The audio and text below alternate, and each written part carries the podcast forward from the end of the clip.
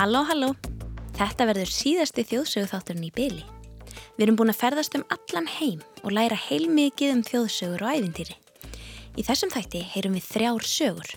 Svo fyrsta er flökkusaga frá Evrópu sem fjallar um súpu úr nöglum. Sko ekki eins og eru puttanum okkar heldur til að smíða með. Svo næsta er frá Indlandi og fjallar um hvernig tunglið var til. Og að lokum heyrum við sögu frá Mexiko til forna sem segir frá því hvernig tónlist barst til jærðarinnar. Ég heiti Yngibjörg Fríða og hlustaði nú.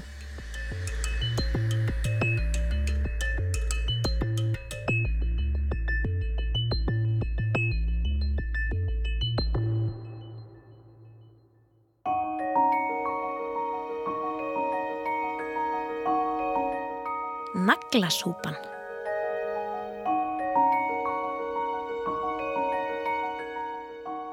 Næsta saga er flökkusaga sem hefur flakkað um Evrópu í mörg hundruð ár.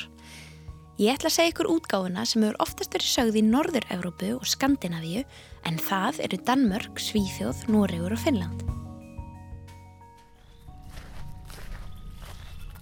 Einu sinni fyrir langa löngu var ferðalangur sem hafði verið á faraldsfæti í marga mánuði og átti enn eftir að ferðast langan veg til að komast heim. Hann var búin að klára nestið sitt og var orðin of þreyttur og máttlaus til að veiða sér til matar. Hann glattist því mjög þegar hann sá ljóstýru í fjarska. Þarna var Þorp. Hann ætlaði að byggja Þorpsbúana að önga sér yfir hann og gefa sér að borða. Ferðalangurinn vissi hins vegar ekki að í þessu þorpi bjó fólk sem að þoldi ekki að deila sínum eigum með öðrum. Þau töluðu valla saman, treystu engum og læstu dyrum og gluggum sínum vandlega. Allan mat sem þau áttu pössuðu þau vel og gemdu fyrir sig sjálf.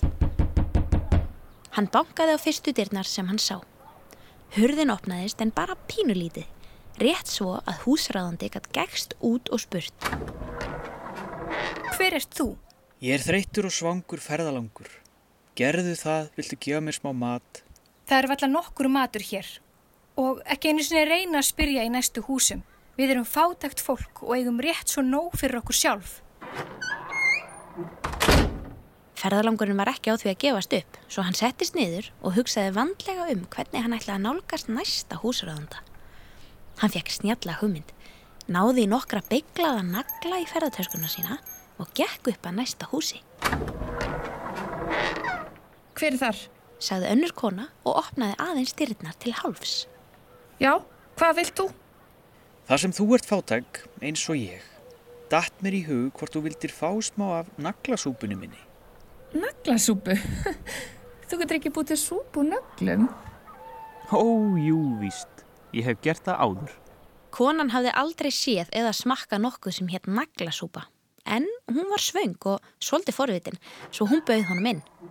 Hún kveikti upp í eldstæðinu og setti pott yfir með vatni. Svo opnaði hún gluggan upp á gátt til að hleypa guðinu út. Ferðalangurinn tók til naglana og setti pottin. Hann tók svo skeið og smakkaði smá. Mmm, alveg að vera tilbúin. Hún yrði samt betri með smá salti og smjöri. Konan fór í skápin sinn og náði salt og smjör. Þegar ferðalangurinn var að hræra smjörunu saman við vatnið kom eiginmaður konunar heim. Vitu, hvað hva er í gangi hér? Hvað er að elda? Við erum að búið til naglasúpu. Saði eiginkonan. Það er ómögulegt. Kallaði eiginmaðurinn. Hún er eiginlega alveg tilbúin. Saði ferðalangurinn og smakkaði súpuna til. En hún yrði enþá betri ef við myndum bæta nokkur um gullrótum. Jú og kannski smá kartöblum við. Eginmaðurinn var glórsoltinn og frekar forvitin svo hann fór út í köldu geimsluna og náði gullrætur og kartöflur til að setja í potin. Ekki leið á löngu þar til lyktinn barst út um gluggan og út á götu. Nágranni þeirra sem oftast satt heima í læstu húsi opnaði dyrnar og let lyktin að draga sig alla leið að eldhúsinu með naglasúpuna. Hann tók sér stöðu við gluggan og lagði við hlustir. Er naglasúpan tilbúin núna? Spurði konan og maðurinn spurði ferðalangin. Já, en hún er því enn betri ef við getum bætt við nokkur næpum og bönum. Ég á! Sagði svangi og forvitni nágranninn við gluggan og hljóp heim til sín. Hann hafði aldrei heyrt um naglasúpu og ákvað því að gefa smá í hana svo hann geti smakkað. Þegar næburnar og bönirnar voru komnar úti varð ilmurinn enn betri og náði enn þá lengra inn í þorpið. Orðið og lyktin af súpunni barst um þorpið og fljótlega komu margir þorpsbúar að húsinu til eldu þennan dásamlega ilm. Er naglasúpan tilbúið núna? Spurðu þorpsbúar með eftirvæntingu, Já, sagði ferðalangurinn. en einu sinni fekk ég naglasúpu með kjúklingi og dýrindi soði. Ég á kjúkling Sagði eitt bóndinn og hljóp heim og sóti, og ég á svoð. sagði annar. Fljótlega voru bæði kjúklingur og svoð komin ofan í naglasúpuna á samt dýrindis hráöfni frá öllum þorpsbúum. Potturinn var næstum því yfir fullur af naglasúpu. Ferðalangurinn tók að lókum upp smakkskeiðina sína og sagði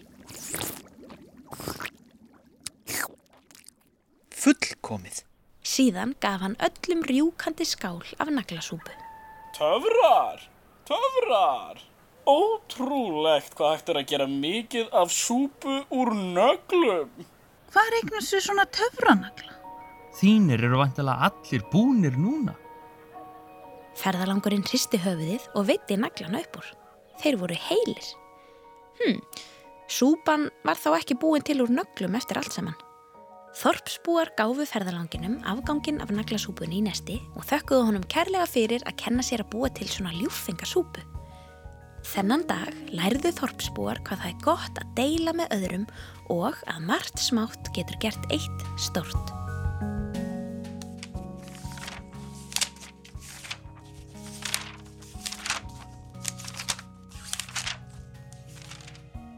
En hvað gerist núna? Geta þjóðsugur orðið til í dag?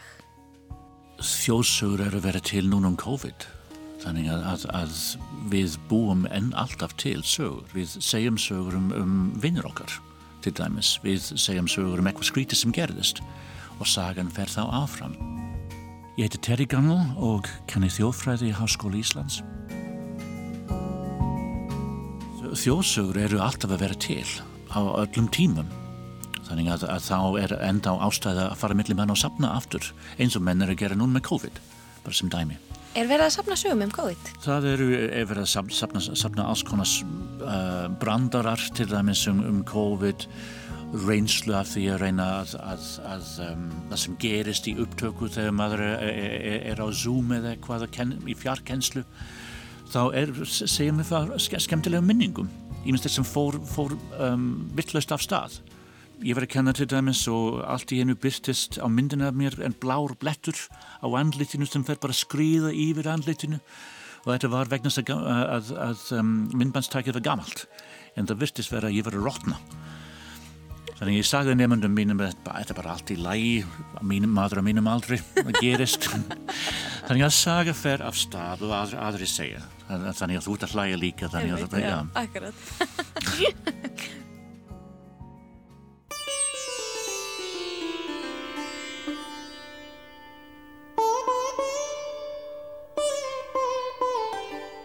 hvernig tunglið varð til. Fyrir langa löngu, þegar það var nýbúið að skapa heiminn, var ekkert tungl og sólinn skein í sífellu. Það var engin munur á nóttu á degi þar sem sólinn settist aldrei. Fólkið vann samfleitt og áttaði sig ekki á því að það þyrti einhver tíman að kvíla sig. Eitt daginn ákvað skapari heimsins að heimsækja mannfólkið sem vann úti á ökrónum. Hann spurði einn mannin. Hvenær vökvaður þennan akkur síðast? Maðurinn þurkaði svitan af enninu og sagði Í dag? Og þú þarna? Hvenar mókaðir þú þessu hólu? Nú, bara í dag. Sagði þá annar. En þessi tré þarna? Hvenar voru þau gróðu sett? Nú í dag að sjálfsögðu. Það er alltaf dagur svo allt var gert í dag. Skaparinn sá konu með lítið barn og spurði. Hvenar fættist sonur þinn? Í dag, sagði konan. Skaparinn áttaði sig á því að mannfólki hafði ekkert tímaskil, greindi ekki mun á nóttu og degi og vann í sífellu. Hann hugsaði með sér að hann þurfti að gera eitthvað í málunum. Hann sagði við sólina. Þú mátt skína allan daginn, en svo þarf það setjast á kvöldin og rýsa aftur upp á heiminin morgunin eftir. Mannfólki mun þá átta sig á muninum á nóttu og degi og ná að kvíla sig. Sólinn fjælst á þetta. Þegar leið á kvöldið settist sólinn hægt og rólega. En allt í einu varð allt svart. Mannfólkið varð ofbóðslega hrætt. misti stjórn á sér af hræðslu, hljóp út um allt í myrkrinu, rakst á hvert annað og sumir slösuðu sig þegar þeir hlupu beint honni skurð. Fólki var ekki vant þessu og vissi ekkert hvað átt að gera. Eftir nokkra daga og nokkra nætur áttuði leðtógar mann fólksinn sig á því að ekkert var hægt að gera í myrkrinu, svo þau sögðu við hinna. Leggist bara niður og kvílið ykkur. Þið vinnið aftur þegar að byrtir til. Og upp frá því varði nóttin tími kvíldar. Fólkinu fór að líða betur þar sem það var vel útkvílt við störf sín. En eitt vandamál kvarf ekki. Það var kolniða myrkur eftir sólsetur og fólk sá ekki handa sinna skil. Á leiðin í háttin rak það sig í trí, slasaði sig á steinum og duttu í skurði og hólur þegar það fór að pissa. Þeir brutu líka stundum dótið sitt þegar þau voru að leita að því í myrkrinu. Eftir nokkra daga heimsótti skaparinn þau aftur og spurði. Eru þið hamingjusum núna? Já, það erum við. Við sóðum allar nætur og vöknum út kvíld og fesk. Tilbúin að vinna morgunin eftir. En það er eitt vandamál. Við sjáum ekkert í myrkrinu. Við meðum hvort annað og brjótum rosalega mikið. Getum við fengið sóluna bara í smá stund svona rétt yfir nóttina? Skaparinn hugsaði sér vandlega um og saði svo. Nei, það gengur ekki. En engar áhyggjur, ég skal gefa ykkur svolítið annað, miklu meira róandi og ekki jafn bjart og sólinn. Þið getið séð í kringum ykkur en samt sofið vært. Og þá skapaði hann tunglið. Mannfólkið varð rosalega hamingjusamt þar sem það gæti séð á nóttunni og hægt að meiða sig í myrkrinu. Þau sváfu vært í tungsljósinu og vöknuðu þegar sólinn skein. Og þannig varð tunglið til.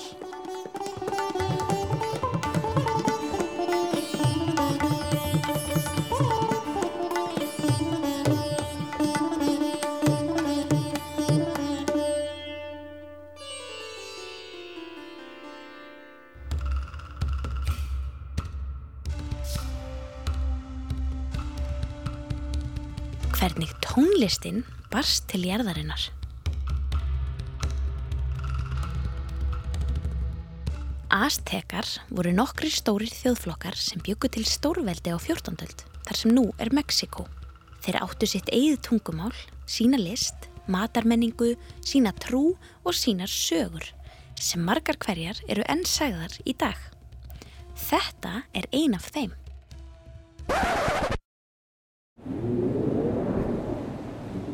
Einu sinni mættust tveir guðir á vindasamri sléttu. Einn var Tezcatlipoca, skíaguðin og hinn var Quetzalcoatl, vindaguðin. Þeir voru mjög máttuður guðir. Stundum börðust þeir og þá var best fyrir mannfólkið að leita skjóls. Stundum hins vegar hjálpuðu þeir hvoraðurum, eins og í þetta skipti. Hvers vegna varstu svona lengi á leiðinu hingað? Sagði skíaguðin Tezcatlipoca. Það er fellibili ástíð. Sagði Quetzalcoatl, vindaguðin. Ég er búin að vera mjög upptekinn við að hræra upp öldurnar í sjónum. Þetta er mun mikilvægara en fellibilir. Leðu mér að dæma um það. Sagði vindaguðin. Hættu þessum stælum og hlustaðu. Hvað heyrur þau? Spurði skíaguðin. Vindaguðin hlustaði og sagði svo. Ekkert. Uh, ég heyri ekkert. Einmitt, ekki neitt.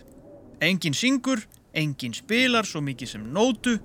Eina hljóðið sem heyrist á jörðinni er hljóðið í þér að mása og blása. Við þurfum að vekja heiminn og ég er ekki að meina með fleiri fellibiljum. Við þurfum tónlist. Tónlist. Hvað kemur það mér við? Ég hef enga tónlist. Ég veit, en ég skal segja þér hver er með tónlist. Sólinn. Sólarguðin umkringir sig með söngvurum og tónlistarmönnum sem spila og dansa fyrir hann allan daginn og hann vill ekki deila tónlistinni með okkur. Vill hann ekki deila henni? Það er ekki sangjant. Ég veit, hlustaðu nú á mig vindur. Ég vil að þú farir í hús sólarinnar. Ég vil að þú komir tilbaka með bestu söngvarana. Mundu, við erum að gera þetta fyrir jörðina og alla jarðabúa. Við þurfum að vekja þá til lífsins. Við þurfum tónlist. Vindurinn þeitti sér upp í loftið. Hann flög yfir land og sjó og stemdi beint á hús sólarinnar. Eftir marga klukkutíma á flugi sá hann glitrandi þök hallarinnar og gaf í. Hann lendi loks í landi sólarinnar en það var ekki auðvelt að finna hana sjálfa. Hann gekk lengi í gegnum völundarhús af þröngum götum með háum veggjum. Hann týndist í sífellu í þessu völundarhúsi og gekk í ringi. Hann næstuði komin að því að gefast upp þegar hann heyrði fallegt hljóð sem hann hafði aldrei heyrst áður. Það var bjart og, og ómaði létt og leikandi. Það var tónlist. Vindagvöðin fyldi tónlistinni þar til hún leitti hann út úr völundarhúsinu. Hann sá tónlistarmenn í hallargarði sólarinnar. Flautuleikararnir voru klættir í gild född, hljóðfærleikararnir voru í bláu, vögguvísnasöngvararnir voru í kvítu og þeir sem sungu ástarsöngva voru í rauðu. Allt í einu tók sólarguðin eftir vindaguðinum. Stöðvið tónlistina! Hættið að syngja, þarna er þessi hræðilegi vindur. Ekki tala við hann því þá tekur hann ykkur tilbaka á þessa ömurlegu hljóðlátu plánettu sína. Kets Alkohall gerði sitt allra besta. Já, kæru tónlistamenn, fylgið mér og... Þeir þorði ekki að reyfa sig. Aftur saðan. Kæru tónlistarmenn, fylgið mér. Jörðin er fallegasti staður sem þið getið ímyndað ykkur og þangað vantar sárlega tónlist sem jafnast á við náttúrufegurðina. Þeir voru enn þöglir. Quetzalcoatl þóldi ekki að vera hunsaður.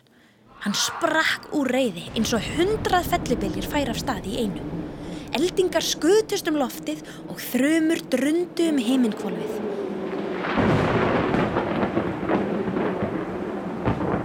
Dagsljósið vek fyrir myrkri. Vindagvöðin öskraði eins og rött hans myndi aldrei þrjóta. Allt sem stóð fjall á hliðina. Ljósið frá sólinni flökti eins og lítill logi. Tónlistamennir urður hrættir og hlöpu í fang vindagvöðsins til að leita skjóli. Um leið og það gerðist rann vindagvöðnum reyðin. Þrjumunar hurfu og skíin gufuð upp. Hann tók tónlistarmennina í fangið og yfirgaf hús sólarinnar. Völundarhúsið var ekki lengur ókunnugt og hann gekk í gegnum það með léttum leik. Vindagúðin var hamingjusamur og flög með tónlistamennina aftur niður eins og fadir sem heldur á börnum sínum heim í öruga höfn. Jörðin fann á sér að eitthvað nýtt var á leiðinni, eitthvað sem hún þarnaðist og hafði óskað sér lengi. Þegar vindagúðin nálgæðist með tónlistarmennina í fanginu, gaf jörðin frá sér andvarp léttis og gleði. Ávextir tóka þroskast, blóminn sprungu út með ríkri lita dýrð. Plánetan virtist að vakna af djúpum laungum svefni. Að lokum snerti vindagvöðin jörðina með tónlistamennina í fanginu. Þeir litu í kringum sig og virtu fyrir sér þessa forvitnu en þögglu plánetu. Þeir byrjuðu að spila og syngja. Allt fylltist af tónlist, skóar, djúpir dalir, breyðar, sléttur, eigðimerkur og sjór. Fljótlega fór mannfólkið að læra að syngja og spila á hljóðfæri. Það gerðu líka trén og fugglarnir, kvalirnir og úlvarnir, lækirnir sem renna, engisbretturnar og froskarnir og allar aðrar lifandi verur byggu til sinn söng. Frá sólar uppbrás til sólseturs dreifðust laglínur og tónlist um allt þar til jörðin var full af tónlist. Vindagvöðin var ánægður og það var líka skíagvöðin. Tónlistamennir voru hamingjusamir á sínu nýja heimili sem var endalaus uppspretta innblásturs. Og síðan þá hefur jörðin verið full af tónlist.